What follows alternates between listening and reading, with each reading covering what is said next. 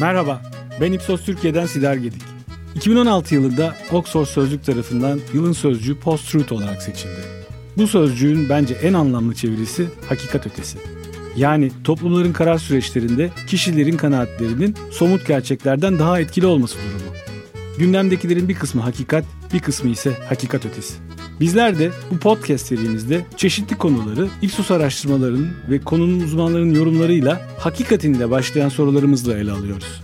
Hakikaten hazırsak başlayalım.